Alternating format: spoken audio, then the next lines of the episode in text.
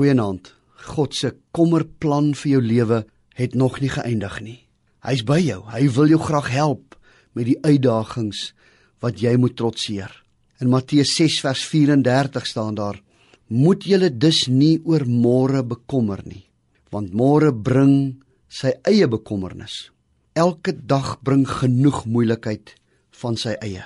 Vandag se les is: leef elke dag vir homself. God sê baie duidelik hier in sy woord.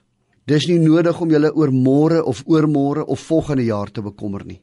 Elke dag het genoeg kommer en pyn en seer en glimlag en vreugde van sy eie.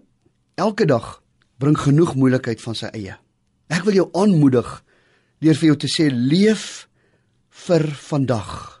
Moet jy nie bekommer oor die probleme van môre nie.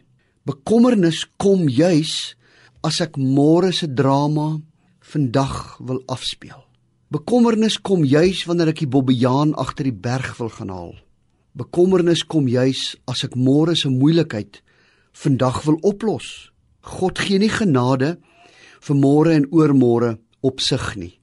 God gee nie 20000 rand se genade per maand of vir 2 maande en as dit opgebruik is dan is dit klaar nie. Nee, God gee genoeg genade vir elke dag. God gee genoeg glimlag vir elke dag. God gee genoeg bystand en krag en energie vir elke dag.